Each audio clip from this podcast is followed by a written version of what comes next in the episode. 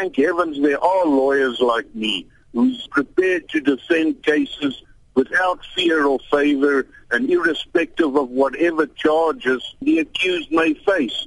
So you are not in any way sorry for what you said in court about the seriousness of this rape? I didn't question the seriousness at all. In fact, I conceded that it was a serious offense and that the offense calls for direct imprisonment.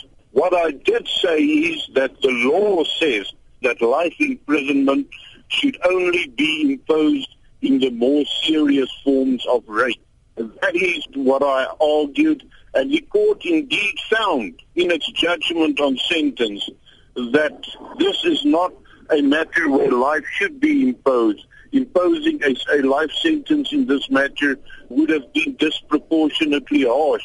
This story that I said that's not serious is absolute, and you can quote me on that even on radio crap.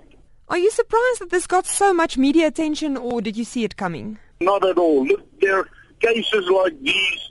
It pains me to say it, but in this country and in this society that we live in, cases like these are a dime a dozen. Most of them never make the newspapers.